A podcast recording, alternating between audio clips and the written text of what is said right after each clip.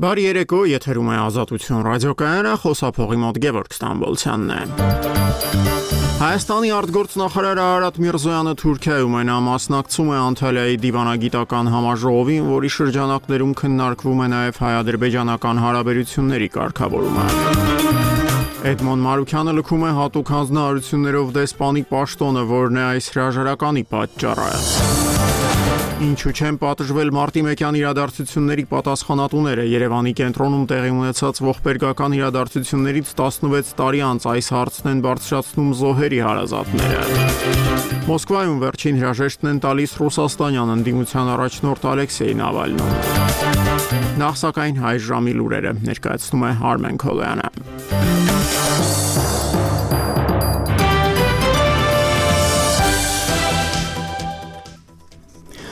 Հայաստանի հետ հարաբերությունների կարգավորման գծով Թուրքիայի հատուկ բանագնաց Սերդար Քլչը Անտալիայում 2024 թվականի դիվանագիտական միջազգային ֆորումի շրջանակներում խաղաղություն, զարգացում եւ կապեր հարավային Կովկասում թեմայով համաժողովում առաջարկել է հայկական կողմի հետ հաջորդ հանդիպումը անցկացնել Երևանում։ Թուրքիայի հետ հարաբերությունների կարգավորման հարցերով Հայաստանի հատուկ բանագնաց ազգային ժողովի փոխոսնակ Ռուբեն Ռուբինյանը նշել է, որ այդ հարցը կարող է քննարկվել եւ լուծվել մինչեւ այս երեք օրակարգով։ Եվրամիությունը հավատարիմ է հարավային Կովկասում կայուն խաղաղության հասնելուն այդ մասին Անտալիայում ասել է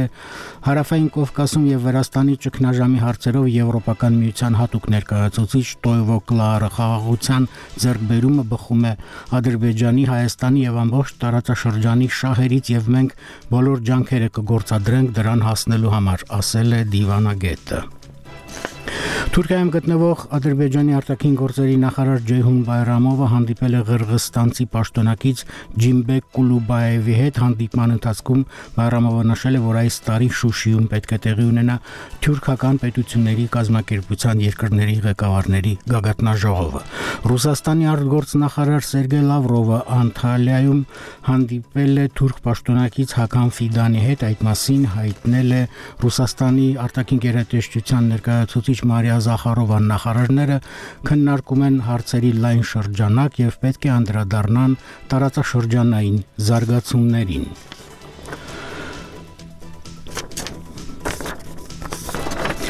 Իսրայելի պատվիրակությունը առաջիկա օրերին մեկնելու է Եգիպտոս մայրաքաղաք Կահիրեում իսրայելցիները պետք է բանակցեն Գազայի հատվածում հրադադարի հաստատման եւ դրա դիմաց Պաղեստինցի գերիներին իսրայելցի պատանդների հետ փոխանակելու հարցի շուրջ։ Ղրիմի կամրջին հարված հասցնելու թեման գերմանացի բարձրաստիճան զինծառայողների կողմից քննարկելու փաստը, որը ապացուցվում է ձայնագրությամբ պետք է լսվի պետական դումայի հաջորդ նիստում այդ մասին ասել է խոսնակ Վոլոդինը։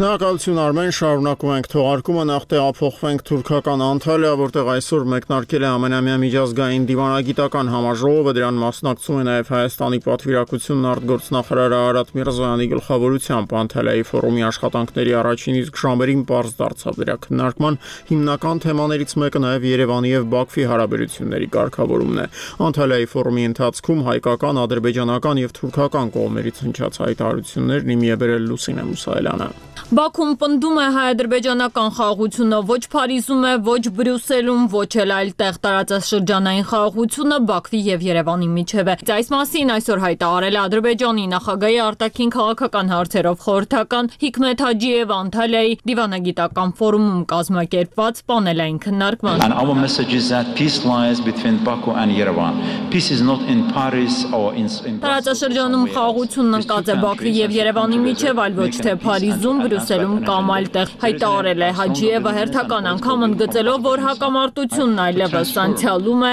Բաքվի համար Ղարաբաղի հարց այլևս գոյություն չունի եւ Ադրբեջանի օրակարգում այժմ խաղաղությունն ու տարածաշրջանային համագործակցությունն է։ Ադրբեջանցի բարձրաստիճան դիվանագետը խաղաղության հասնելու ճանապարհին որպես Բաքվի համար խոչընդոտ է համարել Հայաստանի սահմանադրությունում եւ այլ օրենքներում արկա որոշ դրույթներ, որոնք ըստ Հաջիևի Ադրբեջանի նկատմամբ տարածքային պահանջներ են ենթադրում տեղում։ Ադրբեջանցի պաշտոնյան շեշտել է Բաքուն այդ հարցի վերաբերյալ Հայաստանից պատասխան է ակնկալում։ Պատասխանը տեղում հնչեցրել է քննարկմանը մասնակցող Հայաստանի ազգային ժողովի փոխնախագահ Ռուբեն Ռուբինյանը հակադարձելով, թե Հայաստանի սահմանադրությունը, օրենսդրությունը Հայաստանի ներքին գործն է եւ որևէ կապ չունի խաղաղության գործընթացի հետ։ The constitution and the legal framework of Armenia is our internal affair and it has nothing to do with our peace process. Ռուբինյանը հիշեցրել է պաշտոնական Երևանը այդ թվում վարչապետ Փաշինյանի շուրթերով բազմիցս հայտարարել է, որ ճանաչում է Ադրբեջանի տարածքային ամբողջականությունը։ Հայաստանցի պաշտոնյայի խոսքով խաղաղության պայմանագրի նախագծում էլ համաձայնեցված երկու դրույթ կա, որոնք լուծում են այդ հարցը։ Ռուբինյանն արձագանքել է Հաջիևի այն մեղադրանքներին, թե խաղաղության պայմանագրի շուրջ բանակցություններին զուգահեռ Հայաստանը զինվում է։ Հայաստանը չի ռազմականացվում, Հայաստանը միայն ամրապնդում է իր պաշտպանությունը, քանի որ անվտանգության հետ կապված մտավախություններ ունի, այդ թվում Ադրբեջանի պատճառով, ասել է Ռուբինյանը եւ շեշտել. մենք ունենք ինքնիշխան իրավունք կառուցելու մեր պաշտպանությունը։ Ռուբինյանը հավելել է՝ ի տարբերություն Երևանի, Բաքուն ձեռք է բերում ոչ միայն պաշտպանական սպառազինություն։ Իդեպ նույն այդ րոպեներին Ադրբեջանի արտգործնախարարությունը հաղորդեց, որ Անտալիայի դիվանագիտական ֆորումին մասնակցող արտգործնախարար Ջեյհուն Բայրամովը հանդիպում է ունեցել Թուրքիայի ռազմաարդյունաբերության գործակալության ղեկավար Հալուկ Գյորգյունի հետ եւ քննարկել համագործակցության ընդլայնմանը վերաբերող հարցեր։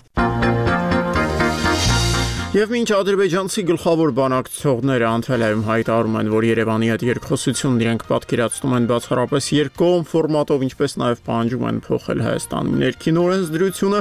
Երևանում իշխող մեծամասնությունը Բաքվի հետ բանակցությունների վերսկսումը դրական է գնահատում այս մասին քաղաքացիական պայմանագրի ներկայացուցիչները հայտարարել են այսօր ազգային ժողովում կայացած ճեպազրույցների ժամանակ դրանց ներկայ եղել իմ գործընկեր Ռոզաննա Ստեփանյանը։ Իշխող քաղաքացիական պայմանագիր խմբակցությունը ողջունում է Հայաստան-Ադրբեջան բանակցությունների ձևաչափի վերականգնումը։ Բերլինում երեք ավարտվեցին Միրզոյան Բայրամով երկորյա բանակցությունները։ Կողմերը պայմանավորվել են շարունակել քննարկումները բաց հարցերի շուրջ։ Թե ինչ բաց հարցերի մասին է խոսքը, պաշտոնական Երևանը չի մանրամասնել։ Երկորյա բանակցություններում առաջընթացի մասին կողմերը որևէ հիշատակում չեն արել։ Հայկական կողմն այս տարի արդեն երկու անգամ հետընթաց է արձանագրել խաղաղության պայմանագրի նախագծի ադրբեջանական առաջարկություններում։ Ինձ թվում է պետք է ողջունենք Ադրբեջան-Հայաստան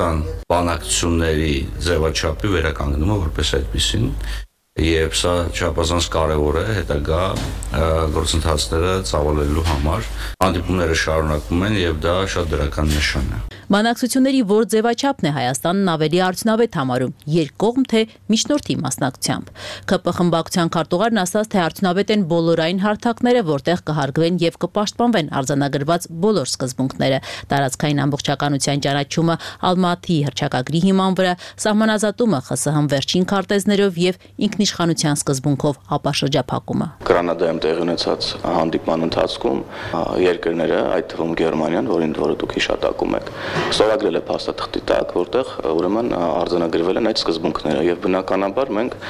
ողջունում ենք ցանկացած հարթակ, որտեղ այդ սկզբունքները հարգվում են եւ մենք արդյունավետ ենք համարում այդ բանակցությունները եւ ինչպես գործընկերս նշեց ողջունում ենք ցանկացած ձևաչափի, ուրեմն քննարկումները, որոնք տանում են դեպի խաղաղության մեր տարածաշրջանը։ Միջդեռ ընդդիմադիր պատիվ ունեմ խմբակցության ղեկավար Հայկ Մամիջանյանի համոզմամբ ամեն բան տեղի է ունենում Ադրբեջանի պահանջով։ Կամ միջնորդա փոխվում Ադրբեջանի պահանջով, կամ առանց միջնորդի բանակցության են գնում, ելի Ադրբեջանի պահանջով այստեղ երկար վերլուծելու բան չկա։ Հայկ Մամիջանյանը նաև հարցնում է, ինչպես է Հայաստանի իշխանությունը Բաքվի հետ սահմանազատման հարցեր քննարկում, երբ ադրբեջանական զինված ուժերը այս պայն Հայաստանի սուվերեն տարածքում են գտնվում։ Երեք երեկոյան հայտնի դարձավ, որ հատուկ հանձնարարություններով դեսպան Էդմոն Մարուկյանը հրաժարական է ներկայացրել։ Մարուկյանն իր հրաժարականի հայտարարության մեջ նշել էր արտաքին քաղաքական հարցերում իր եւ իշխանությունների տեսլականների զգալի տարբերության մասին։ Էդմոն Մարուկյանի հրակայացրած որոշման, ինչպես նաեւ նրա եւ Նիկոլ Փաշինյանի հարաբերությունների բավական բարդ պատմության մասին կպատմի Արտակ Խուլյանը։ Ինչու է հրաժարական տվել Հայաստանի հատուկ հանձնարարություններով դեսպանը հարցին ինքը Էդմոն Մարուկյանը հպանցիկ է անդրադարձել։ 43-ամյա քաղաքական գործիչը միայն հաստատել է, թե կառավարության հետ ունեցած քաղաքական տարաձայնություններն են պատճառը։ Վերջին շրջանում մի շարք արտաքին քաղաքական հիմնարար հարցերի շուրջ մեր տեսլականների տարբերություններն անհնարին են դարձնում իմ հետագա ներգրավվածությունը արտաքին քաղաքական ճակատում։ Հայտարարել է հատուկ հանձնարարություններով դեսպանի պաշտոնը 2 տարի զբաղեցրած Մարուկյանը։ Երեկվանից նրանից դեռ չի հաջողվում մեկնաբանություններ ստանալ։ Նրա թիմակիցները Լուսավոր Հայաստան կուսակցության անդամները եւս հրաժարվում են կոնկրետ պատճառներից խոսել, վստահեցնելով Մարուկյանն առաջիկայում կներկայացնի, թե արտաքին քաղաքական որ հիմնարար հարցերի շուրջ է անհամաձայն եղել իշխանության հետ։ Եվ ամենալավ ձևակերպումը տվել առաջին նախագահը, ազգակործան պատուհաս։ Այդ դասական, դասական ձևակերպումը։ Պատերազմից հետո վարչապետի մասին այս գնահատականը Մարուկյանին չխանգարեց ուղիղ 1 տարի անց Փաշինյանի կաբինետում ստանձնել հատուկ հանձնարարություններով դեսպանի պաշտոնը։ Պարտության սիմվոլ է, մարդ, որը որ այլևս այդ փաստաթուղթը ստորագրել է, չի կարող գնալ նախագահ Ադրբեջանի նախագահ Ալիևի հետ, հիմա փորձել այդ դրույթները մի քիչ մեզ համար դրական դարձնել, չի կարող։ Ժամանակին Փաշինյանի հետ նույն դաշինքով ընդդիմադիր դաշտում գործունեություն ծավալած Մարուկյանը պատերազմից հետո նաև վարչապետի հրաժարականներ անհրաժեշտ համարում։ Որովհետև նա ըստ էության ամբողջ պատերազմի ընթացքում ԳՇՊՏ-ի հայտարարության համաձայն 4 օրվանից սկսած իմացել է, որ պատերազմում ենք պարտվում ենք,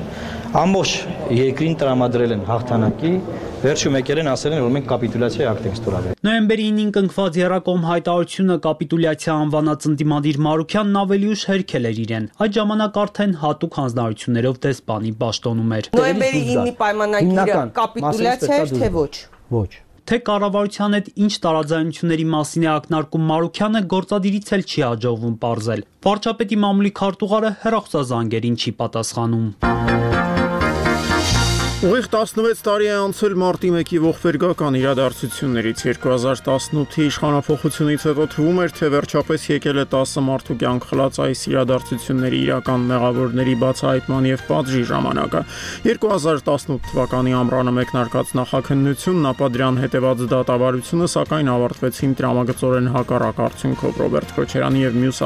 ամբաստանյալների 2021-ի գարնանը տեղի ունեցած արդարացմամբ։ Բնական է, որ մարտի 1-ի գործի գործի բացահայտման ուղղված գործողությունների նման անփառունակ վաղճանը նախ եւ առաջ ծանր հարված էր զոհերի հարազատների համար։ Նայր Աբուլղադարյանին լսենք։ Մենք սպասել ենք իշխանապողության, մենք հեղափոխությունը ընդունել ենք երջանկությամբ, որ պետքա մարտի 1 բացահայտվի։ Մարտի 1-ի զոհերի ծնողների մոտ 2018-ի հեղափոխությունից արթնացած հույսը վերափոխվել է զայրույթի Ինչու 2008 թվականի արյունալի դեպքերը բացահայտել խոստացած վարչապետ Փաշինյանը չի կատարում խոստումը։ Այո, ես պահանջում եմ, որ ով որ այդ հրամանը արձակել է, որ ապօրինի որոշում է կայացրել ժողովրդի անմեղ կանգնածին ворթուն կերակելու համար, նա կենթարկվի պատժի։ 16 տարի առաջ Մայրաքաղաքի կենտրոնում Չերումուխա 7-ից զոհված Տիգրան Խաչատրյանի ընտանիքը, որ Սերժ Սարգսյանի իշխանությունից որևէ ակնկալիք չուներ եւ հեռացել է Բելգիա, հուսադրվել էր Փաշինյանի խոստումներից։ Մեծ սպասումներ ունեին, որ մոտ է օրը, երբ ճաղերի հետևում կտեսնեն բոլորին,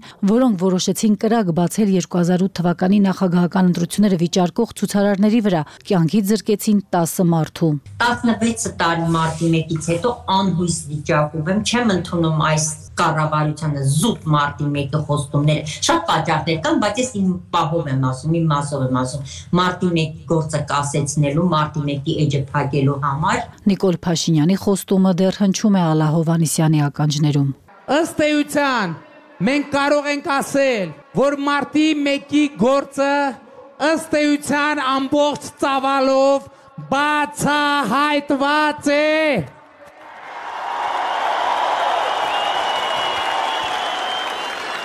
Վարչապետի հավաստիացրած բացահայտված գործով սակայն չկա գետ մեկը, որը պատիժ է կրում իր արարքի համար։ Կա ընդհանրապես 4 մեղադրյալ, 4-ն էլ հետախուզվում են։ Միայն մի մեղադրյալի քնիչի գործ է դատարանում, որը մեղադրվում է ապացույցները կեղծելու համար։ Ժամանակը հոսում է եւ հոսել է նաեւ նախկինում վաղեմության ժամկետները լրացել են, այստեղ բախվելու խնդիր չկա։ Ժամանակը գնացել է, անցել է։ Գործը հսկող դատախազ Հայկ Հովանիսյանն առանձնացնում է այն խնդիրները, որոնցով բախվում են 2008-ին տեղի ունեցած հանցագործության քննության ընթացքում։ Վաղեմության ժամկետներ, ժամանակի ընթացքում տարբեր պատճառներով խոտանված զենքեր, ապացույցները հավաքելու բարդություն, վկաների կողմից դեպքի մանրամասները հիշելու խնդիրներ։ Այս շաբաթվա սկզբին Երևանի քաղաքապետարանում կայացած գործակարգավարական նիստի ժամանակ ազդարարվեց քաղաքի հնագույն թաղամասերից մեկի Կոնդի մոտալուտ քանդման մասին։ Քաղաքապետարանում պնդում են, որ շատ շուտով Կոնդը գերակաշահ կճանաչվի եւ կմեկնարկի բնակիչներին փոխհատուցումների տրամադրման գործընթացը։ Մինչ այդ սակայն պարզվում է կոնդեցիները պետք է բավական մեծ գումարներ վճարեն իրենցից օտարվող տների նոր սեփականություն սեփականության վկայականներ ստանալու համար։ Նարինե Ալեչյանն է զրուցել այսօր քաղաքապետարանի մոտ ցույցանող կոնդի բնակիչների հետ։ Իրանք իրավահաջորդ են, իրանք պարտավոր են նախորդի սխալը ուղեն։ Երևանի քաղաքապետարանի առաջ հավաքված կոնդեցիները ցանկանում էին Տիգրան Ավինյանին հանդիպել, որ ասեն կոնդի վերջնական օտարումից առաջ սեփականության վկայականները թող իրենց անվճար տրամադրեն։ Քաղաքապետարանից էլ ասում են չեն կարող դա անել, որովհետև հին վկայականներում նշված թվերը չեն համապատասխանում այն քառակուսի մետրերի հետ, որը նրանք փաստացի տնորինում են։ Իսկ այդ տարբերությունն իրենց անունով գրանցելու համար կոնդեցիները պետք է 1 քառակուսի մետր կադաստրային արժեքի, այսինքն 139-ից մինչև 214 հազար դրամի 2%-ը վճարեն քաղաքապետարան։ Այս մուծումների համար նրանք առավելագույնը 3 ամիս ժամանակ ունեն։ Դա ֆիքսված գումար 10000-ա, 15000-ա, մենք էլի որպես քաղաքացիներ պարտավորում ենք վճարենք, բայց ոչ թե մեր քառակուսու հաշվով բերեք հաշվեք 2% ու դա ծանր բեռա մեր ուսերին։ Եթե չենք կարողանա որտեղից վճարենք։ Դե ունենանք, ունենանք, բայց խեղճ կոնդեցին, որ ունենար այդ բաների մեջ չէր ապրի։ Հիմա դղյակներ առած կներ, դղյակներում կապրել։ Ուրեմն չունենա, որ այդ բաներում ու կրսների հետ են ապրում։ Կոնդեցիները մտան քաղաքապետարան ու արագ դուրս եկան։ Ձեզ ով էր ասել, որ Ավինյանն է ընդունելու, հիմա ինչ ասել։ Ինձ ոստիկանները ասեցին, որ ձեզ ընդունելու են։ Մենք գնացինք, տեսանք, որ իրանց նամակների վարչության պետն է ու ասում է, չէ, մենք բան ենք անելու։ Ավ մեզ ասեք նոր,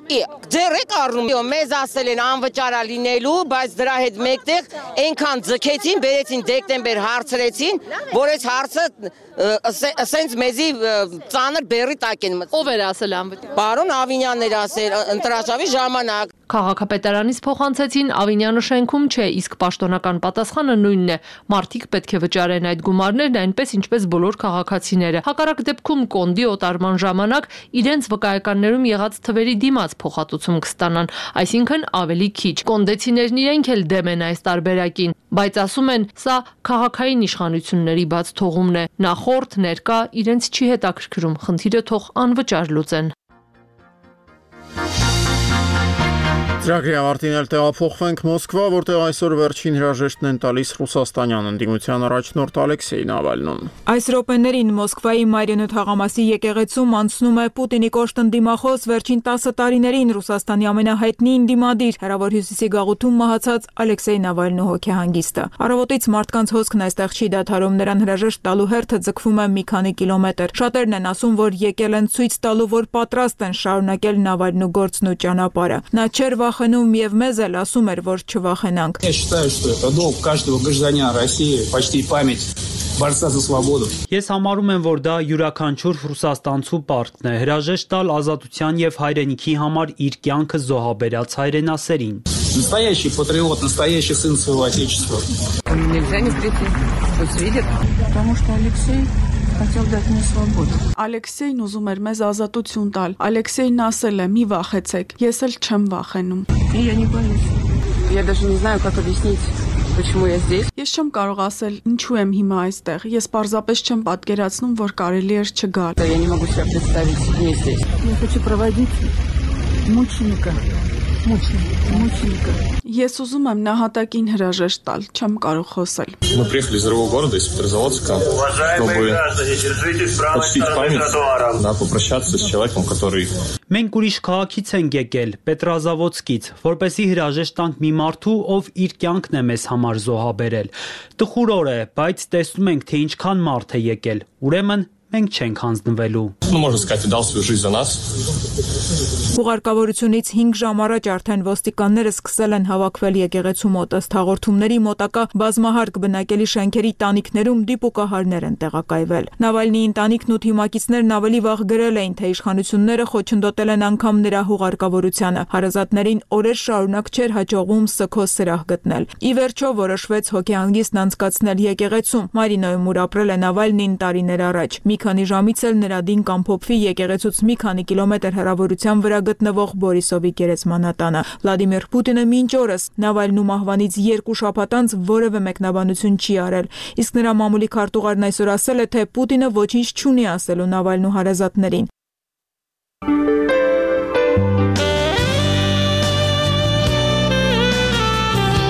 Այս ժամին այսքանը խոսափողի մոտ Գևորգ Ստամբոլցյանն էր ազատության հաջորդ թվարկումը եթերում կլինի 40 րոպեից։